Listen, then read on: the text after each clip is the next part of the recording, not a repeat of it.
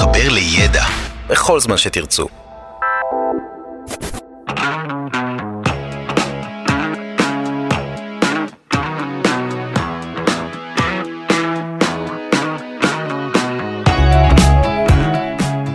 עיר טובה היא עיר שקורה בה משהו, עיר שיש בה חיים ואת זה יוצרת התרבות. זו יכולה להיות תרבות מהמון סוגים, אבל עיר בלי תרבות, בלי יצירה, היא עיר משעממת והיא תתקשה להתרומם.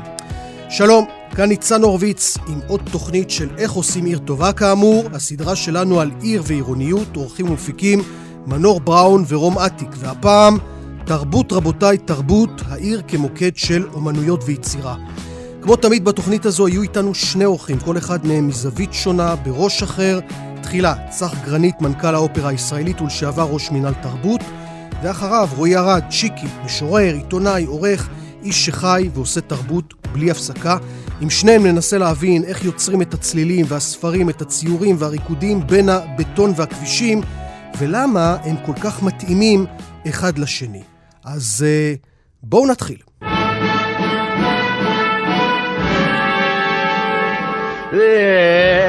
איזה אורקסטרה, איזה אורקסטרה יפה.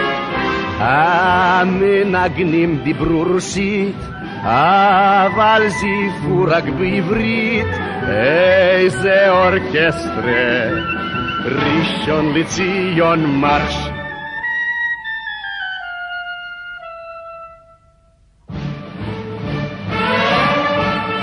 Ην δικιναβδισα αρμικ βεσουτιον νανεσιον, Ην ας άλι νεσιον αλι κονζέρτ. שלום לצח גרנית. שלום ניצן. אתה מנהל מוסד תרבות גדול ויחיד במינו בישראל, האופרה, שנמצא בתל אביב, ובעבר עמדת בראש הגוף הממשלתי שמתקצב ותומך וגם מתווה את העשייה התרבותית בישראל, שזה מינהל התרבות הארצי של הממשלה. אז אני אשאל אותך קודם כל מהניסיון שלך, לא מהמוסכמות המקובלות. למה כל הדבר הזה בכלל נחוץ לנו? דירות זה ברור, עבודה זה ברור, כבישים ברור, אבל תרבות? אולי זה מותרות. קודם כל, בואו נתחיל עם השאלה אה, על מה אנחנו מדברים. כי אנחנו אומרים תרבות, אבל תרבות זה המון דברים. תרבות זה גם מסעדות, זה אוכל, תרבות זה אה, אנשים שיוצאים ועושים על סקייטבורד, אה, וזה לגמרי אחלה תרבות. אנחנו מדברים על אומנות. אה, וזאת הגדרה שעוזרת לנו להיות קצת יותר ממוקדים ולהבין למה זה חשוב. אומנות עושה שני דברים מצוינים. דבר ראשון, היא נותנת השראה. היא מעוררת דמיון. ההבדל בין בני אדם לבין כל היצורים החיים על פני כדור הארץ, שאנחנו מדמיינים מציאות שלא קיימת ואנחנו יוצרים אותה. זה מה שגורם לאנושות להגיע להישגים שלה. אנחנו, באמצעות האומנות, מגרים את הדמיון של אנשים וגורמים להם לדמיין עולם אחר, או לדמיין עולם טוב יותר. בלי אנשים שמדמיינים עולם טוב יותר, אין חברה עירונית טובה יותר, אין חברה אנושית טובה יותר. אתה חייב אומנות. היא הכרחית לכל הכלכלה, לכל העשייה, לכל מה שיש, הכל מתחיל באומנות, ולא סתם שאצל האדם הקדמון אנחנו כבר מוצאים את הציורים האלה על המערות, הם נתנו את ההשראה מה לעשות, איך לעשות ואיך להתקדם קדימה. זה דבר אחד. במונחים המיידיים יותר, שגם אותם ניתן לתרגם, אומנות היא מנוע כלכלי רב עוצמה. אנשים באים לאופרה. חוץ מזה שהאופרה בסופו של דבר מעסיקה במהלך השנה, מספקת פרנסה ל-650 אנשים. זה לא מעט, זה הרבה. אבל רק שתחשוב על כמה אנשים עובדים במעגל מסביב. אצל החברות שבונות תפאורות, אצל החברות שמייצרות את התלבושות. בחניון, שמתמלא כל ערב מחדש ב-1,500 אנשים שבאים ויוצאים, בכל המסעדות מסביב, בייביסיטרים, המון המון מעגלים כלכליים, שכל אחד מהם מזין עוד ועוד ועוד מעגלים כלכליים. העשייה האומנותית היא אחד המנועים הכלכליים המרכזיים שעיר צריכה כדי לקיים בעצ... בתוכה חברה שהיא משגשגת מבחינה כלכלית. ואתה התייחסת. אני אקרא לזה המעגל הראשון, שזה התעסוקה או הפרנסה שמפעלי תרבות או מוסדות תרבות מספקים. אבל בעצם זה הרבה יותר רחב מזה. מדובר בעצם בדימוי של העיר, ברוח שלה, ולזה יש משמעויות מאוד רחבות. זה המקום שבו אנחנו שואלים את עצמנו מה עושה האומנות לאופן שבו אנחנו תופסים עיר. אנחנו יכולים להתחיל לדבר על שכונה בכלל. בואו נדבר על נווה צדק. שכונה שהייתה שכונת עוני, של אנשים קשי יום, לא, לא פאר ולא הדר בה. ואז החליטו בשנות ה-80, סוף שנות ה-80, להקים בה מרכז מחול. והיום היא בוודאי אחת השכונות היקרות ביותר, המבוקשות ביותר בתל אביב, כזאת שתיירים מגיעים במיוחד, וכשמגיע אליך אורח מחו"ל, אתה לוקח אותם לראות את נווה צדק. למה? מרכז מחול הצליח לחולל שינוי בתדמית של השכונה. נסתכל על חולון. אנחנו זוכרים איך אה, דיברו על חולון, היו מתייחסים לחולונים באופן אה, מזלזל משהו, היה את הכינוי הגנאי, הגנאי חובטים. ואז בא ראש עיר והחליט להשקיע שם. השקיע בעשייה אומנותית. השקיע במוזיאון, במדיאטק, במרכזים. תן לו קרדיט, קוראים לו מוטי ששון. מוטי ששון. הוא שינה לחלוטין את התדמית של חולון. חולון נתפסת כעיר מאוד מאוד רצינית, שמאוד טוב לחיות בה, שיש בה איכות חיים נפלא. זה מה שאומנות עושה לתדמית של עיר. אבל היא עושה את זה, למה? בגלל, א', שהיא מייצרת מסביבה מעגלים של אנשים שיכולים להתפרנס ממנה, ואז שווה לעבור, לגור, כי יש יותר ויותר תעסוקה בעיר, והיא עושה את זה כי היא נותנת לאנשים השראה. אתה יודע, בחולון זה שילוב של יסודות עירוניים נכונים, כמו שאנחנו אומרים בתוכנית הזו, כי למשל, המיתוג הזה כעיר הילדים, זה לא רק שיש מוזיאון ילדים, שהוא מאוד יפה אגב בחולון, mm-hmm. אלא למשל, שכל העיר, הגינות הקטנות שעשו, עשו אותם גני סיפור. זאת אומרת, הכניסו בהם אלמנטים מסיפורי ילדים, וככה אתה מחבר בין גינה קטנה, שהיא אלמנט עירוני חשוב ביותר לחיים שלנו, לבין הנושא של התרבות והילדים והחינוך והיצירה וההעשרה, והכל מתחבר למשהו שנותן תוצאה טובה מאוד ביחד. זאת נקודה מאוד חשובה, כי אומנות לא מתקיימת רק בחללים היהודיים לה. לא רק בהיכלי תרבות, לא רק בבתי אופרה, לא רק באולמות תיאטרון. כאשר מחליטים להשקיע באומנות, היא צריכה להתקיים בכל אה, רובדי החיים השונים שקיימים בעיר, בכל, להיות חלק מהמרקם העירוני על כל גווניו. עכשיו, אני אגיד את זה בתור מישהו שבא מ, מבית אופרה, ואנחנו מוסד גדול, שמעלה הפקות גדולות וענקיות, אבל גם אני צריך את כל אותה עשייה אופראית שהיא לא מיינסטרימית, שהיא לא קורית בבית שלנו. למשל בעכו.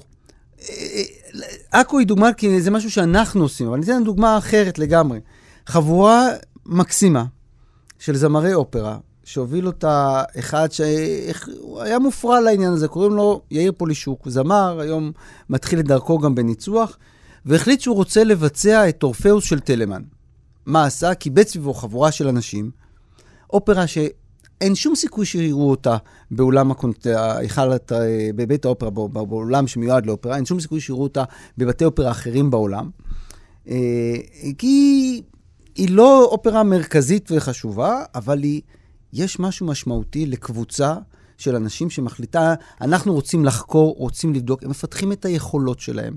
הם מתאמנים בדברים שהם לא יוכלו להתאמן בהם אף פעם אצלנו. הם מפתחים את עצמם כאומנים, הם יוצרים, הם הופכים להיות אומנים הרבה יותר שלמים בעקבות זה שהם עשו את ההפקה הזאת.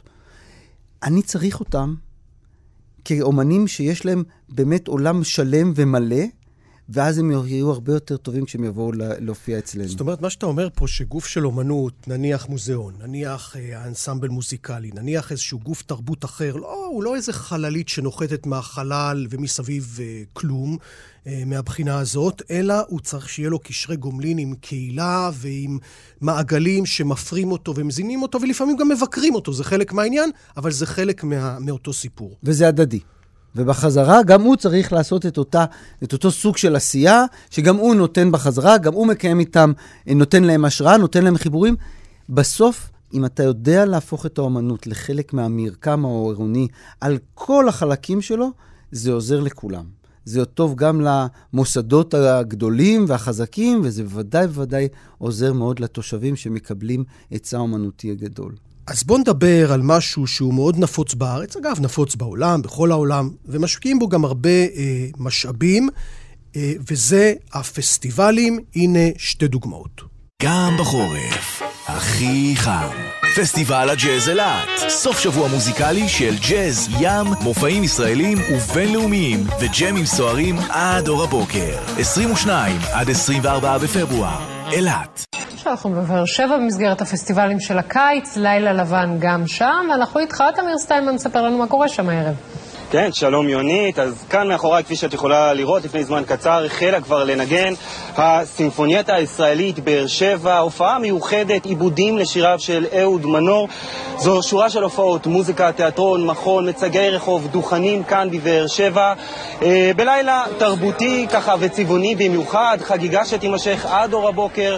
האירוע הזה, הפסטיבל... אז זה, זה כמובן uh, חדשות שתיים, uh, הלילה הלבן בבאר שבע ופסטיבל הג'אז באילת, שתי דוגמאות מתוך המון uh, פסטיבלים שיש לנו בארץ, ולפעמים התחושה שלי שזה לוקח פוקוס מדברים אחרים, אולי אפילו יותר חשובים מזה שצריך לעשות ב- בכל מיני מקומות. ואני רוצה אולי להבדיל בין פסטיבלים יוצרים, כמו פסטיבל לתיאטרון אחר בעכו, שהוא כולו עוסק בלהעלות מסה של הצגות חדשות, הצגות, הצגות פרינג' כל אה, שנה, אה, שאחרי זה ממשיכות ועולות בכל רחבי הארץ, אה, במרכזים שונים, אה, לבין הפסטיבלים שהם... אה, אה, ליקוט של הופעות מסוגים שונים, לפעמים הופעות מיוחדות לצורך הפסטיבל, אז עדיין זה לא אה, הפקות שיש להם אה, חיים מחוץ לפסטיבל. אני חושב שאותם פסטיבלים הם חשובים כדי לעודד חשיפה לתרבות וצריכה של תרבות. אבל אי אפשר לראות אותם אה, מנגנונים שתורמים לקידום של יצירה ביישוב. איך היית מקדם יצירה? בסוף יצירה היא תהליך מתמשך, ארוך טווח. הוא לא קורה בנקודת זמן אחת, בא, היה והתפוגג לו. הוא נמשך לאורך כל השנה, הוא נמשך תקופה, הוא עובר שנה אחרי שנה אחרי שנה. יוצרים שעוסקים במחקר, בפיתוח, בלשאול שאלות, בלהבין מה נכון לעשות, מה לא נכון לעשות. זה תהליך ארוך, זה תהליך קשה, הוא דורש הרבה מאוד השקעה. נכון שלפעמים הרבה יותר קל להגיע לפסטיבל ולראות, הנה, הכל, עשינו משהו, הכל נחמד, וזה קצת אה, אולי אינסטנט כזה. הוא לא... זה גם בשום... כיף, זה, כן. זה, זה יפה. בתור מישהו שהולך הרבה לפסטיבל, בוודאי, אבל זה... הוא לא תחליף להשקעה בתהליך היצירה ארוך הטווח, שהוא בסופו של דבר זה שבונה את האומנות שהיא חלק מהזהות. שלנו, גם כבני אדם ובטח כישראלים. ולפני שבן אדם נהיה אומן, הוא גם צריך ללמוד, אז הילד צריך ללמוד לנגן, וללמוד לצייר, וללמוד לרקוד, כל אחד לפי מה שהוא אוהב, וצריך לתת את התשתית לעניין הזה, וזה בעיניי הבסיס לכל הדבר. אם נחזור לעכו, שהיא אה. דוגמה נפלאה, אז הנה עיר שהחליטו לקרוא, להפוך את העיר מנגנת, ועשו שם קונסרבטוריון ענק, שיש לו שלוחות שונות. 800 תלמידים, יהודים וערבים, לומדים ביחד מוזיקה. עכשיו, 800 תלמידים שיש להם שפה משותפת. מדהים, אחד מדהים. מדבר עברית, אחד מדבר ערבית, אבל שניהם מדברים מוזיקה. יש יכולת לתקשר ביחד, יש תכנים משותפים. זה יוצר סולידריות, זה יוצר חיבור, ובוודאי, מהמצטיינים שבהם התפתחו מוזיקאים, שיכול להיות שאחרי זה הם יגורו בעכו, ויכול להיות שהם יעברו לגור בתל אביב. זה גם בסדר, אבל משהו בזהות של המקום שבו הם גדלו, ושנתן להם את האפשרות לעשות את הצעדים הראשונים שלהם בעולם האומנות, תמיד תמיד יישאר בהם וישפיע על היצירה שלהם. וזה בעיניי הדבר המאוד מאוד חשוב, לבצע את אותה השקעה ארוכת טווח, שנותנת להזדמנות לכאלה שמתחילים דרכם, תלמידים, צעירים, להתפתח, למצוא גם מי מצוין. מה המקום של המוסדות הגדולים, של גופי התרבות הממוסדים? הנה, בוא תשמע ראש עיר מיתולוגי, אנחנו אוהבים בתוכנית הזאת להשמיע אותם. והפעם טדי קולק חונך את תיאטרון, תיאטרון ירושלים 1973. בירושלים הרבה צרות. אנחנו נתגבר עליהם רק אם אנחנו ניתן לירושלים גם תוכן. אני אה, זוכר שלפני שש שנים פתחנו מוזיאון. המוזיאון נהפך לכוח מלקט של כל השכבות בעיר. אני מקווה שהתיאטרון יוסיף לליכוד זה שכל כך נחוץ לנו, ויעזור לנו על ידי כך להתגבר לבעיות שהן גדולות ומיוחדות לירושלים. בעצם, אה, צח גרנית, אתה גם היית סמנכ"ל המוזיאון הזה שטדי קולק מדבר נכון. עליו, מוזיאון ישראל. תראה איזה חזון היה לאיש הזה. איזה חזון גדול שאיש שאומר, אנחנו נהפוך את העיר למקום טוב יותר, אם יהיו לנו מוסדות אמנות טובים. אה, דיברתי מקודם על הצורך ב- בעשייה שהיא מחוץ למוסדות, אבל בסופו של דבר למוסדות יש את הכוח הגדול לעשות כמה דברים. קודם כל, ניסיון מקצועי. אה, מוסד שיש לו, שעושה הרבה הפקות, הוא יודע, יש לו הרבה ידע, הוא יודע איך לעשות. הוא יודע מראש מה הבעיות, הוא יודע איפה האתגרים, הוא יודע לזהות אותם, הוא יודע להניע את הדברים כמו שצריך. אז זה גוף ביצוע מאוד מאוד חשוב. דבר שני, בעולם דמוקרטי, שבו הממשלה לא מתערבת בתכנים, יש צורך בגופים מוסדיים שיקבלו את ההחלטה מה כן יעלה ומה לא יעלה. לא יעזור. כל מנהל תיאטרון, גם מנהל אופרה, מקבל עשרות, אם לא מאות הצעות להעלות יצירות חדשות כאלה או אחרות אצלו. הוא צריך לבצע איזשהו מיון. לצורך כך הוא משתמש בידע המקצועי שיש לו כדי לזהות למה יש את הפוטנציאל באמת להיות מוצלח ולמה לא. מה יש בו את אותה, את אותה תרומה אומנותית שאנחנו מחפשים, ומה יכול להיות פחות אה, אה, תורם מבחינה אומנותית, אולי יותר בידורי. זה התפקיד של מנהלי המוסדות האלה, שבסופו של דבר מפעילים את אותו סנן אומנותי כדי לקבוע מה, איך אנחנו מקדמים קדימה את האומנות שלנו. והדבר השלישי, בסופו של דבר, למוסדות כאלה, חוץ מהידע והניסיון, יש את היכולת להגיע לקהל גדול. הם יודעים לעבוד מול קהל. זה עולה הרבה כסף להגיע לקהל. כל מוסד צריך להשקיע המון כסף בשיווק. מוסד גדול שכבר יש לו בסיס קהל קיים, הוא יודע להגיע אליהם, יודע לעבוד איתם. כשאתה הולך בסופו של דבר לפרינג', לא משנה מה, הם לא יכולים להשקיע את כל הכסף שנדרש בשביל להביא, להביא את הקהל שהם היו רוצים אה, אה, שיגיע לראות. אגב, זו אגב תשובה, חלק מתשובה לשאלה למה מוסדות אה, תרבות מסוימים לא יכולים להתקיים ביישובים אה, בינוניים או קטנים. כי פשוט אין אה, קהל מספיק לה, להפקות, ליצירות, וזה צריך להיות במטרופולין, בסוף על זה זה מבוסס. את זה רואים בכל העולם. אה, זה נכון מה שאמרתי, לחבר'ה הנפלאים שעושים הצגות בפרינג' בתמונה ובצוותא, הם לא בהכרח יגיעו להמונים, אבל הם לא נמדדים לפי השאלה כמה אנשים הגיעו, אלא איך הם השפיעו על תהליך ההתפתחות של השפה האומנותית בעיר שבה הם פועלים. אבל עדיין אתה צריך להגיע ל-400, אתה עדיין צריך להגיע ל-1,000, עדיין צריך להגיע לכמות מסוימת כדי שהם יוכלו להתקיים. כשאתה עושה את זה בעיר מטרופולין ענק כמו תל אביב של שלושה מיליון, ואתה מצליח לגייס מתוכם אלף, יש לך אפשרות לעשות את זה. כשאתה עושה את זה במקום יותר מצומצם, אפילו שיש בו מסביב, לא, בכל היישובים מסביב 300 אלף אנשים, אתה תגיע ל-100 אנשים להופעה, לפי אותו יחס. ועם 100 אנשים להופעה, אתה כבר לא יכול לקיים את הדבר הזה. יש בכלל תרבות מקומית, או שאולי אנחנו לפעמים קצת מגזימים עם העניין הזה. אני חושב שיש תרבות מקומית, וצריך לזכור... ואנחנו גם קצת מגזימים. ואנחנו קצת אוהבים לעשות אותה יותר ממה שהיא. אה. אה, לא, לא בגלל שהיא לא חשובה, אלא בסופו של דבר, אה, יש את התרבות האוניברסלית.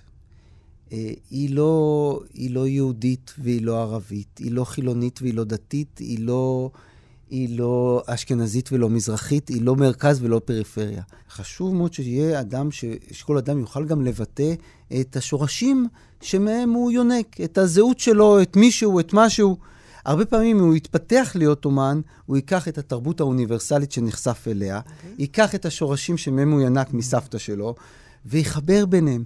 והחיבור הזה הוא נפלא. ניקח את, את תום כהן, נגן מנדולינה, שמנגן, שמנצח על תזמורת ירושלים מזרח-מערב, עושה חיבורים מדהימים, יוצאי דופן, בין תזמורת שהיא תזמורת מערבית, לבין כלים ערביים אותנטיים, שהוא מכיר, ששמע אותם מהילדות שלו.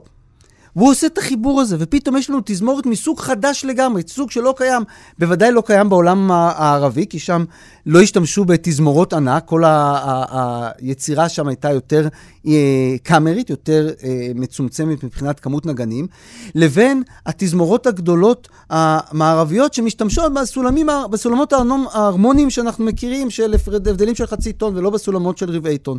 וכשאתה עושה את החיבורים של שני הדברים האלה, זה יוצא אה, נפלא מדהים. ובארץ אתה רואה את זה בקולנוע, בציור, אתה רואה את זה במכון, נגיד יוצרים, אם אמרת חילונים ודתיים, יהודים וערבים, ואתה, כל אחד מביא את המקום האישי שלו, וביחד אה, יוצרים איזושהי יצירה שמדברת לקהל שהוא הרבה יותר רחב מאותו קהל קטן ומקומי או קהילתי שיש.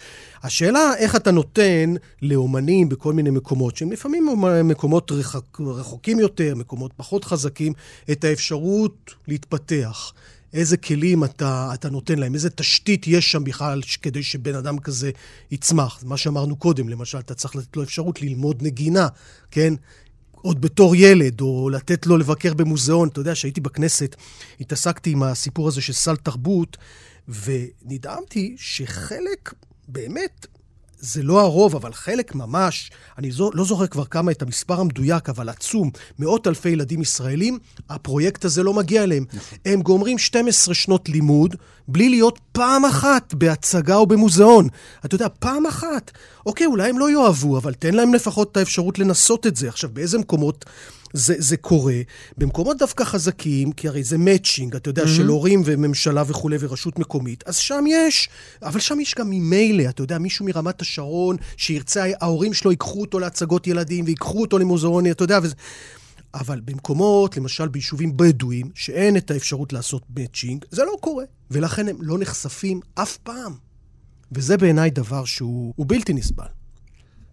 אני מסכים, אני חושב שזה נורא חשוב.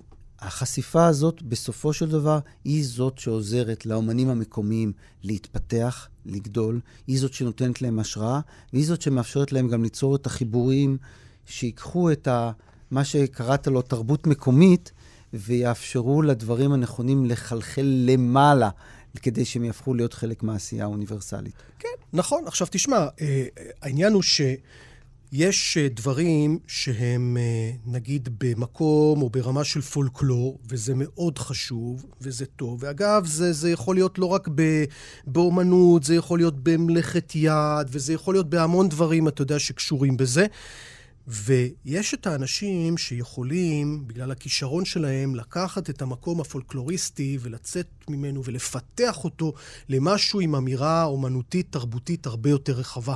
ויש דוגמאות ישראליות בלתי רגילות, וגם בינלאומיות לדברים האלה, וזה לפעמים אנשים שמגיעים, אתה יודע, מעוני וממקומות אה, של פשע וממקומות קשים, והאומנות זה לא רק שהיא מוציאה אותם מהמקום הזה, אותם באופן אישי, אלא היא, מה שנקרא, מעצימה את כל הקהילה. כי פתאום כל הקהילה, שנגיד היה לה, או מקום מסוים שהיה לו דימוי נמוך, מוחלש, מוזנח, עלוב, בגלל זה פורח. וזה דבר מדהים שיכול לקרות ליישוב או, ל, או לקהילה. ואם אתה זוכר בהתחלה, הבחנו בין תרבות לאומנות, שאומנות היא חלק מתרבות. התרבות כוללת הרבה דברים, כולל פולקלור. הוא חשוב, הוא חלק מהדברים, אבל אנחנו, כאשר אנחנו רוצים לחשוב על איך אנחנו יוצרים את הדברים כדי שהם יתקדמו קדימה, אנחנו צריכים להיות בעולם שבו אנחנו מתעסקים במושג של אומנות. אז לסיום, אה, צח גרנית, אה, נניח שהיית, לא אגיד תקציב בלתי מוגבל, אבל בוא נגיד בסטנדרט אה, של מדינה, אני יודע מה, מפותחת, מתקדמת בעולם. אחוז אחד מתקציב המדינה הולך לתרבות, לפי מה שקבע הסטנדרט שנקבע... טוב, אז נניח בוא. היינו עושים את זה גם כאן, אחוז לתרבות, או אפילו יותר. מה, למי היית נותן? איך היית מחלק? מה היית עושה עם הכסף הזה? הייתי דואג שהוא יגיע לגם וגם וגם.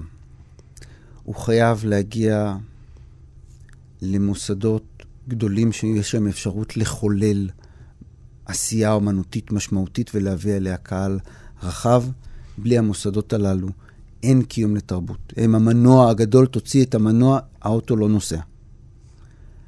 הייתי משקיע בפיתוח עשייה בכל רחבי הארץ כדי לתת הזדמנות לאנשים, לתת הזדמנות ליוצרים עצמאיים, כאלה שלא עובדים בתוך המסגרות הממוסדות, להתפתח, להתנסות. גם כאלה שעובדים במסגרות הממוסדות, שיוכלו לצאת החוצה כדי שהם יוכלו להמשיך לחסוק במחקר ובפיתוח. והייתי משקיע הרבה כדי להבטיח חשיפה רחבה כדי לאפשר בעיקר לחבר'ה צעירים, בעיקר לתלמידים, להכיר, להעשיר את השפה האומנותית שלהם. זה לא משנה אם הם ילכו ללמוד נגינה או ילכו לראות קונצרטים, הכי טוב שהם יעשו גם וגם, לפתח את הכישורים שלהם.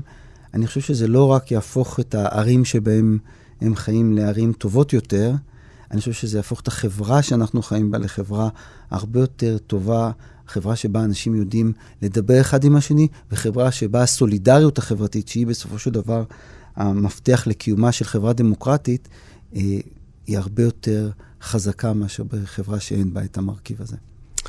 צח גרנית, מנכ"ל האופרה הישראלית, לשעבר ראש מינהל תרבות ועוד הרבה דברים טובים. אה, תודה רבה שהיית איתנו. תודה רבה, ניצן.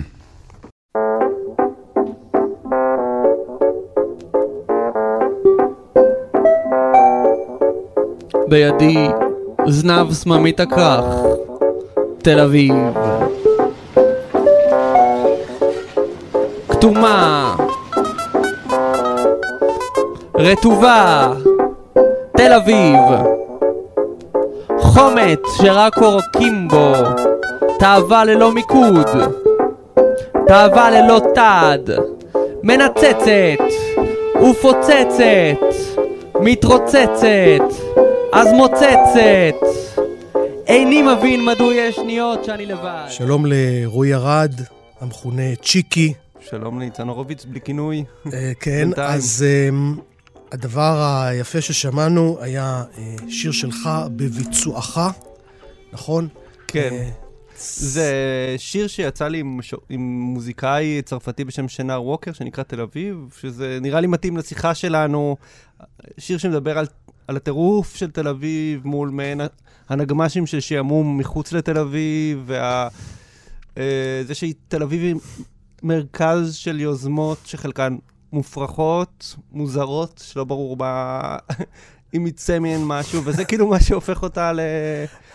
למש... לתל אביב. טוב, כי זה גם אתה, אתה יודע, אתה משורר, אתה עיתונאי, אתה אקטיביסט, אתה עורך, אתה זמר, אתה... תל אביבי. אתה הכל. כן. והערבוב הזה, זה, זה אתה וזה העיר, זה מה שעושה עיר טובה. תמיד אנחנו מדברים פה בתוכניות עירוב, עירוב אוכלוסייה ועירוב שימושים, כן. וזה עיר. כן, עיר זה באמת מקום שב... שהדחיסות שבו אה, יכולה באמת ליצור דבר שהוא פסיכדלי, שאי אפשר אפילו להסביר את החן שלו. אה, ש, ש, שיוצר איזה משהו שיותר הוא עצמו. אה. אז תנסה בכל זאת להסביר, כי זה, כי זה נקודת המפתח. למה עיר טובה בעצם צריכה אומנים או תרבות? לאנשים כמוך. שמע, מה זה, עיר טובה, גם, קודם לא כל אני חייב להגיד, עיר טובה צריכה להיות גם קצת גרועה. כאילו, זה גם צריך להבין ש, שעיר טובה זה... זה, טוב זה מושג יחסית, יחסית ברור, אבל את, את, נגיד להסביר איך עיר הופכת למשהו שהוא גדול מעצמה, באמת נגיד יש לך ניו יורק ואנדי וורול, או תל אביב של אבידן, אתה יודע, זה, זה, זה משהו אה, שהוא מתחום ה... אה, מדעי החלל כבר, אתה מבין? זה... אז בוא נעזוב רגע את כן. ההגדרות של טוב ורע. כן. אמרת לי קודם, כדי שהעיר לא תהיה משעממת. כן.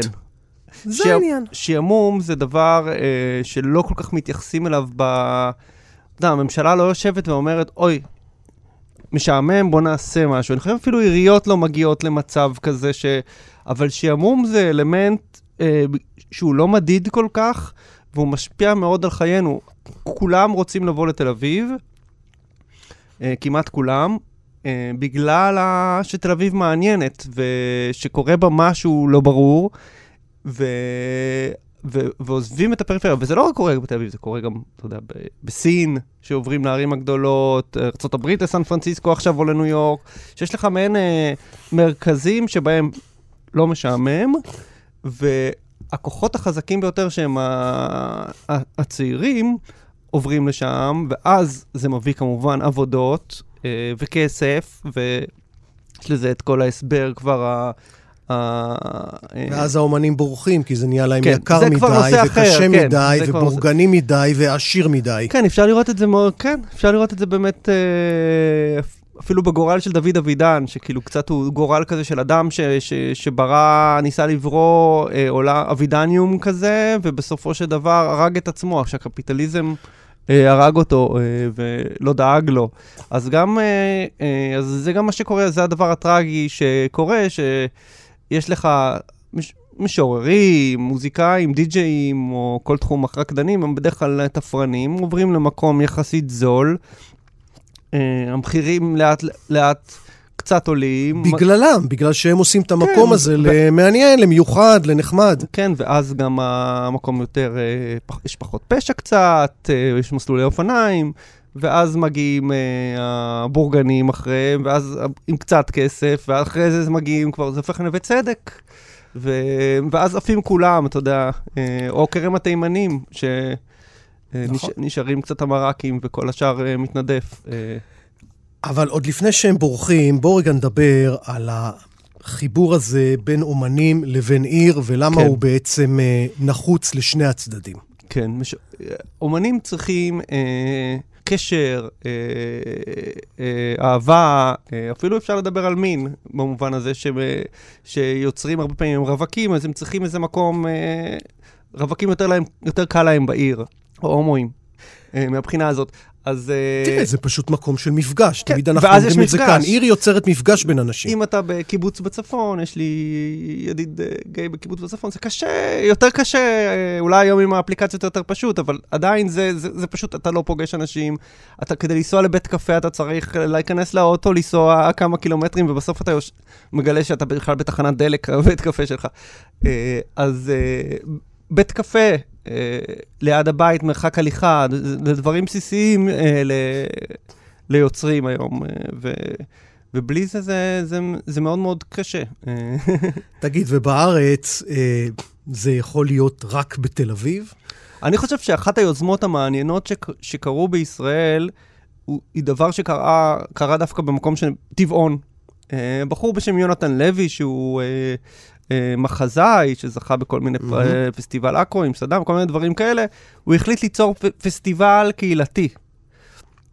והוא פשוט הפך את כל, ה, את כל העיר עצ- עצמה. אתה בטח לא שמעת על זה, כי זה לא כל כך נכנס לתקשורת, זה פשוט האמת היה... שלא שמעתי על זה זה. היה פשוט, אני ממליץ לכולם, זה היה פשוט בטבעון, הוא כל טבעון השתתפה בזה. אני במקרה, הוא אמר לי, תקשיב, זה לא בתוכניה, עכשיו אנחנו הולכים למשטרה, יש שם שוטר, השוטר של טבעון, הוא אוהב סרט אקשן. אז ראינו סרט אקשן עם, ה, עם השוטר, השוטר. והשוטרים הביאו תותית, אתה תחשוב בתחנת משטרה. יושבים אומנים, והוא אוהב את הסרט אקשן הזה, ובנה מעצמו קולנוע מהתחנת משטרה שלו, אתה יודע, וזה הופך את... זה הופך את החיים להרבה יותר טובים, ואתה פתאום אומר, וואלה, שוטר נחמד, ופתאום הפקידה, וכולם צוחקים, מספרים בדיחות, והבדיחות של המשטרה, וגם זה כמובן היה אה, סרט משטרתי, שוטר שמראה משטר, סרט משטרתי זה תרבות. לא צריך להפריד, מהרגע שמישהו אומר שזה תרבות, זה תרבות. אתמול. הלכתי לכיוון גן התקווה, אני גר בשכונת התקווה, ויש רחוב, לפידות, שהוא לא בצד שלי של התקווה, ואני זוכר שהיה שם על איזה בית, מישהי יצ... או מישהו יצר אה, אה, כל מיני מתקנים, פסלים מוזרים מעץ שעליהם טקסטים מהתנ"ך, שירים של ביאליק, שמור את הגר, דברים כאלה. מאוד מעניין, ואז התחלתי ללכת ברחוב כדי לקצר את הדרך גן התקווה, ולהראות לאדם שהיה איתי את הדבר הזה.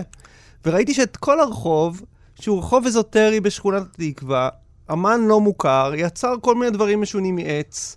ואני חושב שזה זה, זה פשוט, אתה יודע, לפעמים זה יפה יותר מדבר בגלריה, דווקא בגלל שזה נמצא במקום לא צפוי, שהאמן לא ברור אם הוא אמן או לא אמן לפי התקן. אז uh, אני חושב שזה גם אחד מהדברים היפים של תל אביב, שיש בו, אני חושב שאפשר לחלק את ה... אגב, זה גם קיים בעוד ערים נכון, בארץ. נכון. אתה מסתובב, אתה מגלה את הדברים האלה, והאנשים זה יוצא מהם, וזה, נכון. אתה רואה את זה כן, בכל מקום. אם נותנים, אם לא, נכון. ואם לא בא הפקח ואומר, מה זה? זאת אחת הבעיות. מציירים על הקירות, אתה יודע. אז אני חושב שבתל אביב כבר למדו הפקחים לא למחוק את הגרפיטי, למרות שמדי פעם כן קורה, אבל עדיין uh, יש איזה סוג כזה של ערנות, uh, שמבינים שהמוזר והמשונה והלא רגיל, יש לו איזה ערך מסוים, כשפקחים בערים אחרות זה יותר, uh, פחות ב-DNA שלהם. אז הנה, בוא תשמע אה, מישהו, בעצם מישהי, שהיא כן אומנית, ואפילו היא מוכרת, אבל uh, היא לא עושה את זה במסגרת כזאת ממוסדת ומתוקצבת ו- ומסודרת, אלא... אבל שאתם יודעים שגם מתוקצב זה לא דבר שלילי. טוב, תכף נדבר על זה. כן. אה, מירי אלוני, כמובן, כן. במדרחוב בטח. נחלת בנימין. תנו לה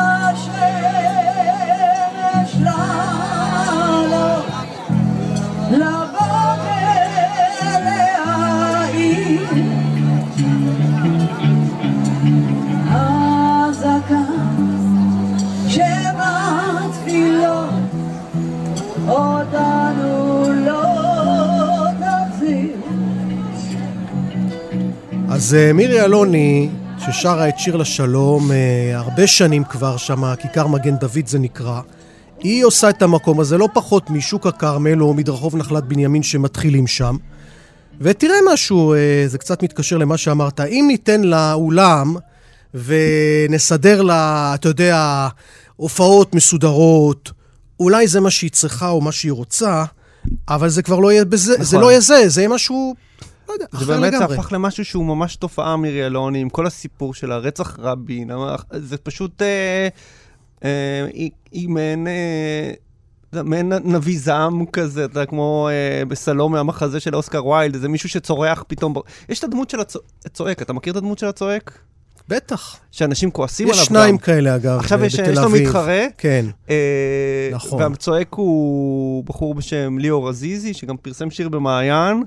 אה, הוא בחור ש... מעיין זה ה... הכתב עת שאני עורך. כן. והוא הוא, הוא בחור רגיש, אה, עם שיחות, הוא למד פילוסופיה ופיזיקה, הוא בחור מאוד משכיל, אז גם מבחינתי, הצועק.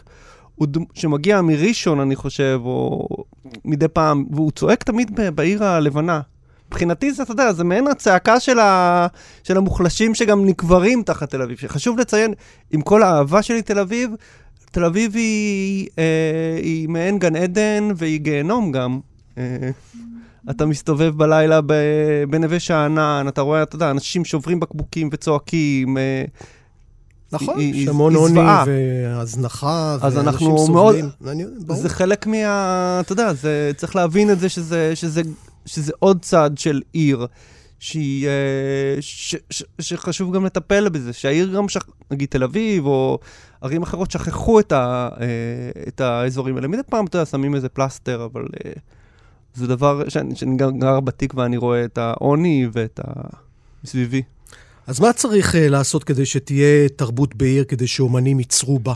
אם אנחנו עכשיו מדברים על האינפוט של הרשות, של העירייה, של המדינה, של הממשלה, של גופים ככה ממוסדים אחרים. אני חושב שזה שילוב של uh, uh, טיפוח עדין, וכמו עם עציצים, לא לשים יותר מדי מים גם, שבאמת יש לך, אתה יודע, מדינות אירופיות שהן יותר מדי דואגות לתרבות לפעמים, ודווקא יש משהו פרש בזה שזה, שישראל היא שילוב כזה. אה, ואני חושב שצריך... אה, תרבות יכולה לבוא באמת מאזורים של אנדרגאונד, שלא צריך תקצוב בכלל, לאזורים של, אה, של, שכן צריך תקצוב, וישראל שמה פחות מדי כסף על תרבות, ולא רק זה, בזמנו ניהלנו מאבק כדי שבבית ביאליק, mm.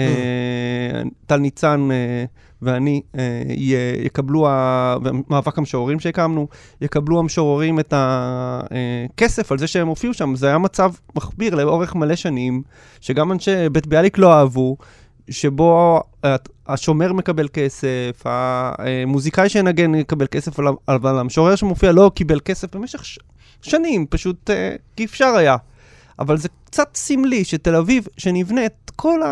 המהלך המטורף, הנדל"ניסטי של תל אביב, מתבסס על זה שתל אביב היא עיר מעניינת בגלל המשוגע, החולי נפש המשוגעים האלה שבסוף עוד יעופו. אה, וגם הם צריכים לא לאכול משהו, כן, ללכת למכולת. הם צריכים לאכול, כן, ללכת למכולת, אה, לשרוד.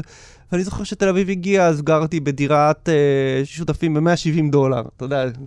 וזה מה שהפך את תל אביב של שנות ה-90 למשהו שאפשר uh, שהביא אנשים צעירים ומשוגעים. אז הנה, תראה מה קרה. והיום זה הפך ליקר כל כך, והמשוגעים עוזבים את תל אביב, ואז תל אביב תיעלם. אז הנה, תראה מה קרה.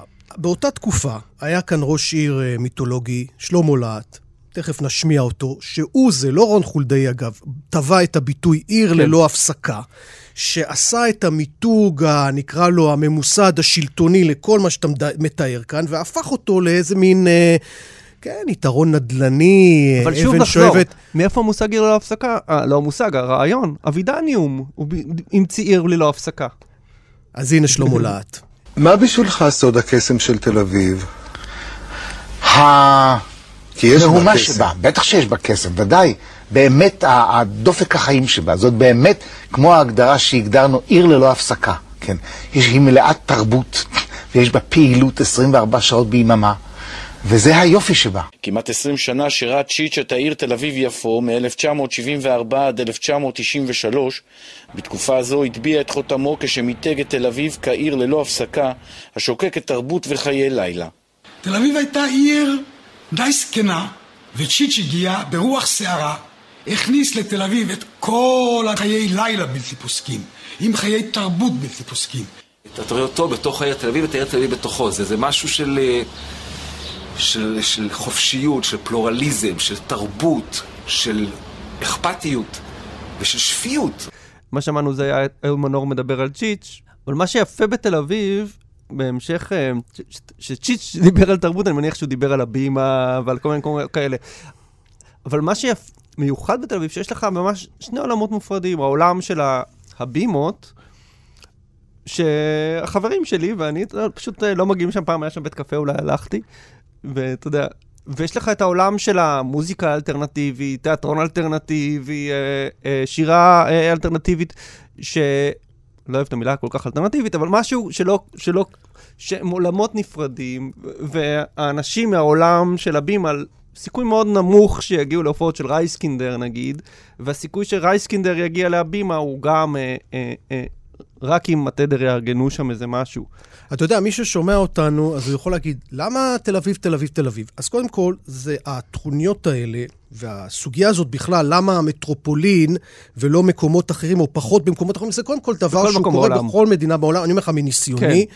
בכל מדינה בעולם יש את הסוג הזה של הטענות, למה ניו יורק, למה לונדון, למה פריס, למה רומא וכולי וכולי. אז קודם כל, טוב, אז, אז זה, זה סיפור אבל שהוא... אבל זה שבאמת הם צודקים, באמת צריך שיהיה כמה שיותר מקום, דברים שם. אז היו ניסיונות בארץ, למשל בחיפה, אבא חושי בזמנו, ראש העיר מיתולוגי, נתן דירות לאומנים כדי למשוך אותם לעיר שלו, ואכן שה... באו כל מיני. אני חושב שהרבה צעירים אה, שאני מכיר, יוצרים, עברו לחיפה, כי באמת השכירות שם אנושית, אפילו לא צריך להגיד יותר זולה. וחיפה, אני מאוד מקווה שתהווה אלטרנטיבה לתל אביב, כי תל אביב מתייחסת בצורה, ל, ליוצרים שלה כמובנים מאליהם, כאילו זה, הם כבר ממילא תקועים פה, אז בוא ניתן כסף לאחרים, בוא נדאג לאחרים. ו... ויש מקומות בחיפה, אתה יודע, למשל באזורים בהדר. כן. יש, כי תראה, זה גם מתחבר לאלמנטים של עירוניות אחרים שאנחנו מדברים עליהם בתוכנית הזו. יש בהדר, למשל, עירוב שימושי מאוד יפה. אתה רואה... הדר מדהימה. אתה רואה בת, מגורים, אתה רואה עסקים, אתה רואה מסחר, אתה רואה בילויים, אתה רואה תרבות, ו... והכול קרוב ונגיש, ואתה שם לא צריך אוטו אם אתה גר, ויש תחבורה ציבורית טובה בחיפה, וזה מקום שיש בו אלמנטים עירוניים טובים. ואז כשאתה מחבר את התרבות, או שהתרבות קושרת את כל זה, זה הופך את זה למקום אטרקטיבי. מה שעוד מיוחד בחיפה, זה שזה התל אביב של הערבים הישראלים, או הפלסטינים. אה, הישראלים, אה, אזרחי ישראל. לא רק, יש, אתה יודע, רוסים, חיפה רוסים. זה העיר עם האוכלוסייה, לא, המוצא מבחינה... הרוסי הכי גדול בארץ, באמת. אבל היוצרים הרוסים מגיעים עדיין לתל אביב. היוצרים הפלסטינים, אה, מג...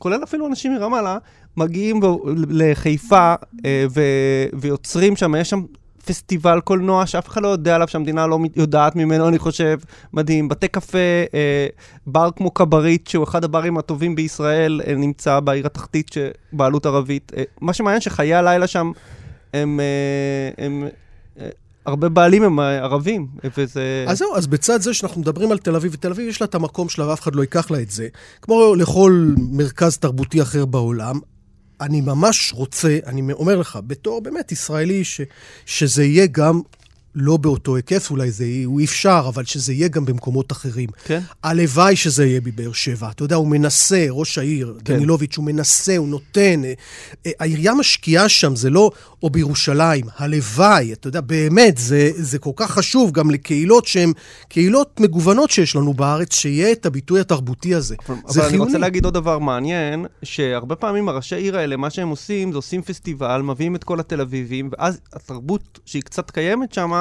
נדחסת ולא לא שמים אליה לב. אז, אז נגיד בחיפה, איכשהו, בגלל שיש לך עדיין יוצרים, אז, אז זה דווקא מצב יחסית יותר טוב. כי יש לך משקל כובד מקומי. מאם עושים איזה ביאנלה איפשהו, מביאים רק יוצרים מתל אביב, וקצת יוצרים לא, לא כל כך טובים אפילו מהמקום שלהם, וזה אפילו הם מפסידים את המקום של עצמם, אה, אז לפעמים, טוב לתת גם לתרבות להיבנה, להיבנות באופן אה, טבעי יותר. אגב, גם בתל אביב צריך להגיד מילה על זה שאנחנו אומרים תל אביב, תל אביב, זה רק באזור מסוים כן. של תל אביב. הנה למשל, גולת הכותרת של, אה, אני יודע מה, כתר התרבות בתל אביב, זה הסיפור של הלילה הלבן. כן. הנה.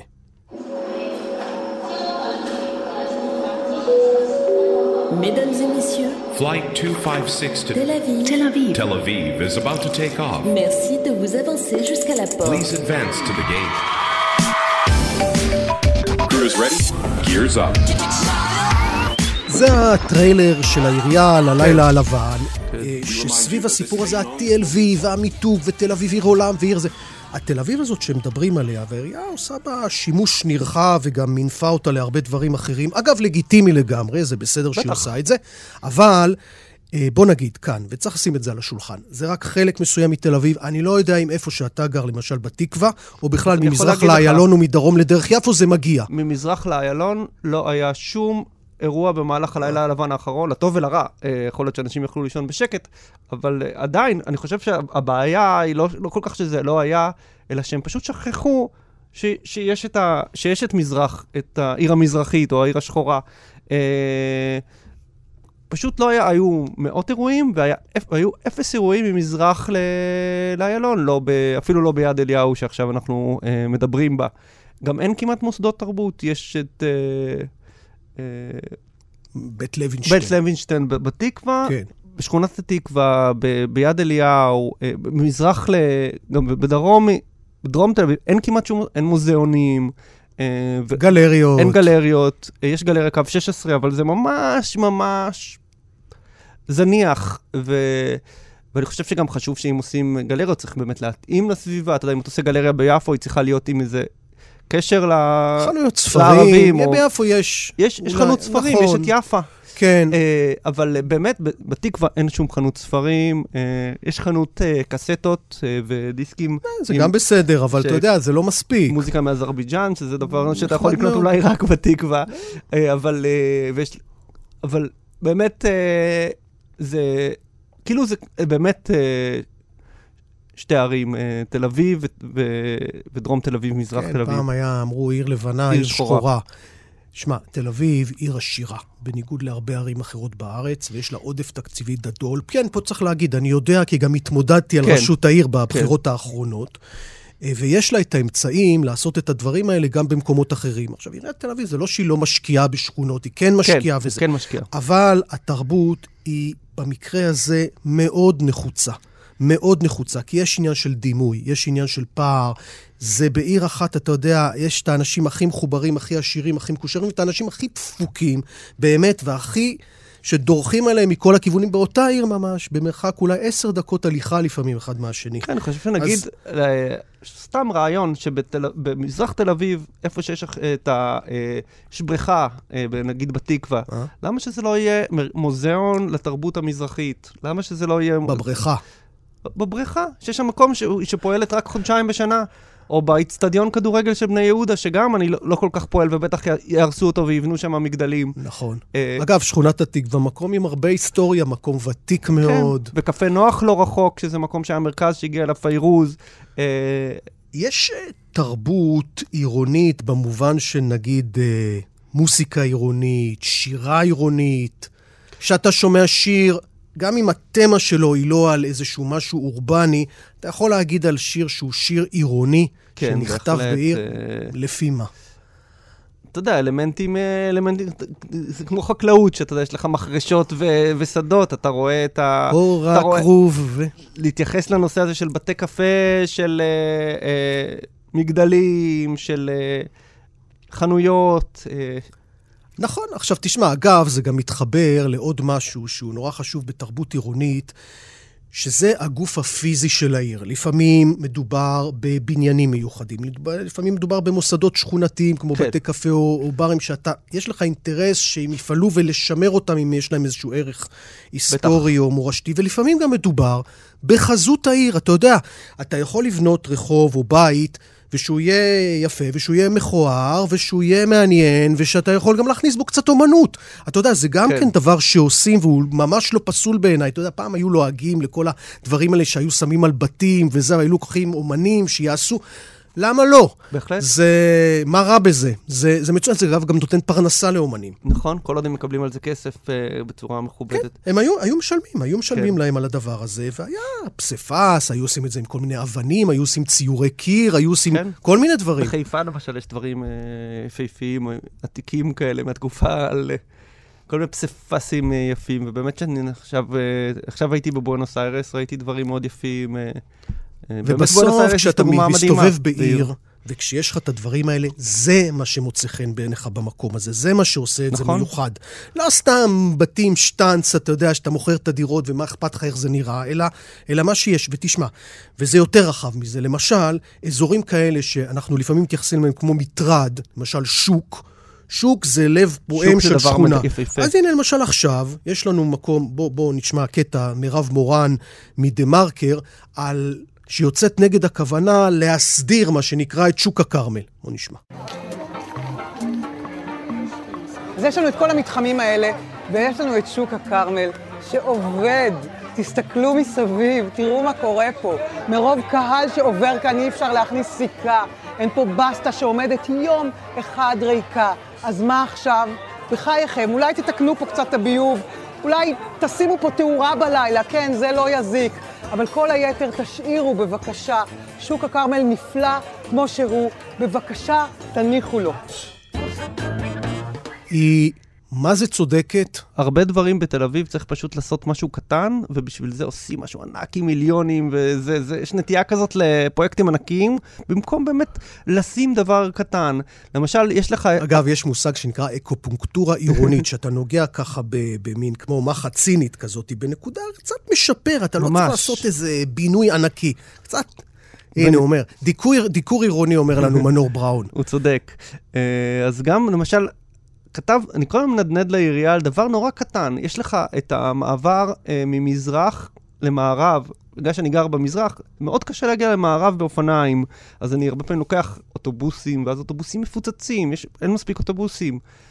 ופשוט אחת הסיבות היא כי, כי על הגשרים אין לך אה, אפשרות כל כך לנסוע על אופניים על המדרכות שם. אתה חייב לנסוע, וה, ומכוניות שם זה ממש מפחיד. אז פשוט אה, במעבר של המדרכות אין לך את הירידה הקטנה הזאת לאופניים, ואנשים יכולים ליפול, אז בגלל זה, אתה יודע, אנש, זה דבר שיכול לעלות 100 דולר או משהו כזה, ו...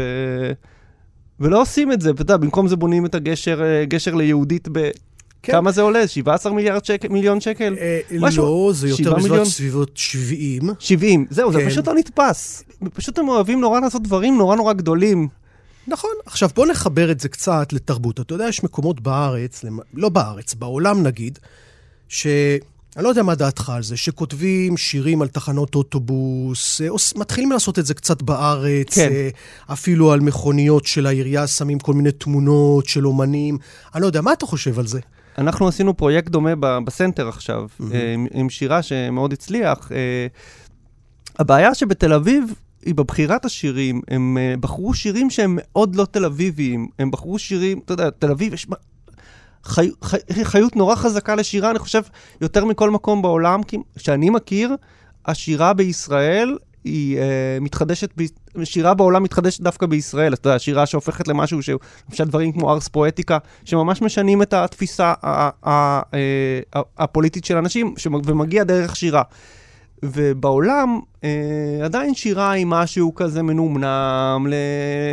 אתה יודע, אה, עם קהל מבוגר שמגיע, והשירים שהם בחרו הם בדרך כלל שירים של משוררים מתים, או מאוד, אה, של, אתה יודע, של לפני 20 שנה. הם לא בחרו את המשוררי התחייה החדשים. אה, אז, היה, אז השירה הייתה מאוד לא תל אביבית. גם הם בחרו בדרך כלל פזמונים, הם, ולאו דווקא שירים. אתה יודע, הם רצו כאילו, חשבו ששירה זה דבר שהוא צריך איזה... איזה סוכריה שצריך אה, להוסיף לה איזה משהו מתוק. מהמם. אה, אז אני חושב שהייתה טעות בבחירה. בגדול זה נחמד, אה, הדברים האלה. אז לסיום, צ'יקי, נגיד הייתי אה, נותן לך את המפתחות של איזה אגף לתרבות ואומנות באיזה רשות או מיניסטריון, אוקיי, אז מצד אחד זה הייתי קצת אולי מסרס אותך ועושה אותך קצת פקיד, והיית צריך לבוא עם מכנסיים ארוכים לעבודה, לא יודע. אבל אה, מה, מה, היית- מה, מה היית רוצה לעשות? מה ככה שאתה מפנטז וחולם קדימה? אני יכול להגיד בתל אביב, יש כל מיני דברים קטנים, באמת כמו שהבריכות, להפוך אותם לבתי קפה ומוזיאונים, אה, ספריות. יש לך בכל אה, שכונה בתל אביב, אנשים לא יודעים את זה, אני, אני נגיד... יש לך בשכונת התקווה ספרייה, ב- ביפו ספרייה. את הש- את- כן, אבל הן סגורות, אה, כן, הן נסגרות בשש בערב. להפוך אותם לפתוחות גם בלילה, שאנשים יוכלו לשבת, אפילו הומלסים זה לא מזיק.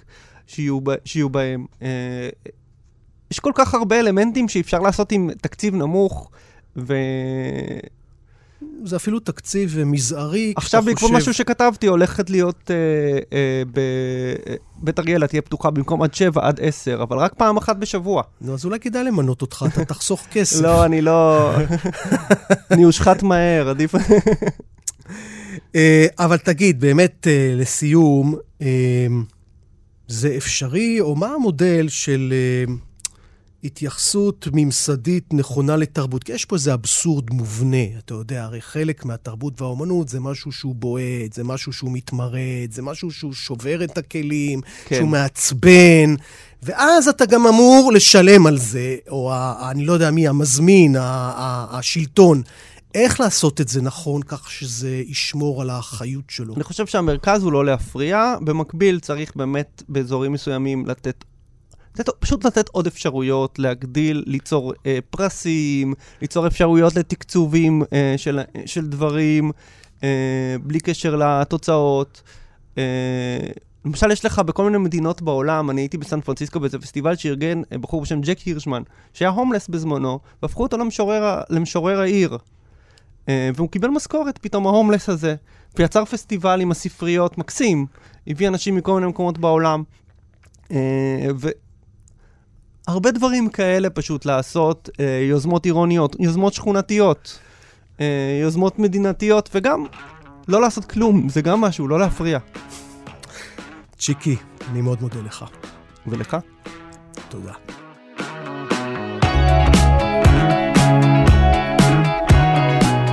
עורכים ומפיקים את התוכנית הזו, מנור בראון ורום אטיק, ניתן להאזין לנו בכל זמן, באתר כאן, באפליקציית כאן אודי, ובכל אפליקציות הפודקאסטים, ההסכתים. אני ניצן הורוביץ, איך עושים עיר טובה? להתראות בתוכנית הבאה.